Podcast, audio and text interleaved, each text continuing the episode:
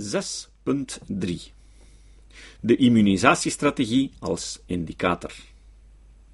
In het begin van dit werk stelde ik dat een analyse van de immunisatiestrategieën van de psychoanalyse, hoewel geen rechtstreekse kritiek op de theorie, indicatief kan zijn voor de staat van gezondheid waarin de theorie verkeert. Laat ik dit met een voorbeeld illustreren. Veronderstel dat een psychoanalyticus in een discussie terechtkomt waarin iemand de evolutietheorie aanvecht, laat ons zeggen een creationist. De situatie is verre van onmogelijk en we mogen er rustig van uitgaan dat er omzeggens geen psychoanalytici zijn die de evolutietheorie verwerpen. Hun theoretische speculaties veronderstellen deze immers. Welke argumenten zou hij aandragen om zijn overtuiging te staven?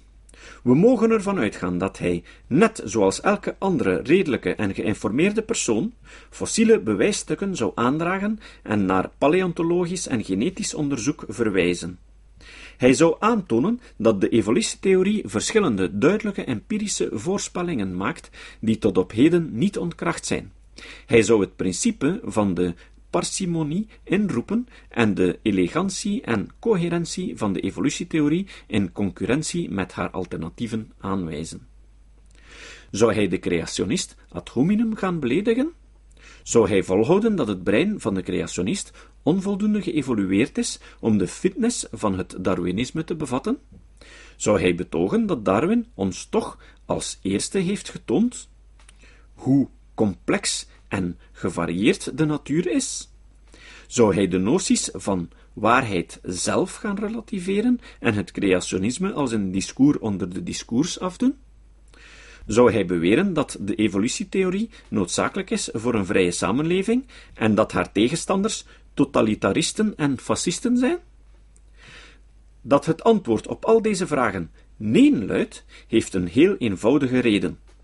Wie de evolutietheorie wil verdedigen, heeft dit soort onwelriekende drogargumenten en uitvluchten niet nodig, omdat er voldoende empirische en logische argumenten voorhanden zijn om sowieso de evolutietheorie te aanvaarden. Het feit dat deze immuniserende drogargumenten in het psychoanalytische veld schering en inslag zijn, betekent dus niet noodzakelijk dat psychoanalytici nu eenmaal verzot zijn op immuniserende drogargumenten.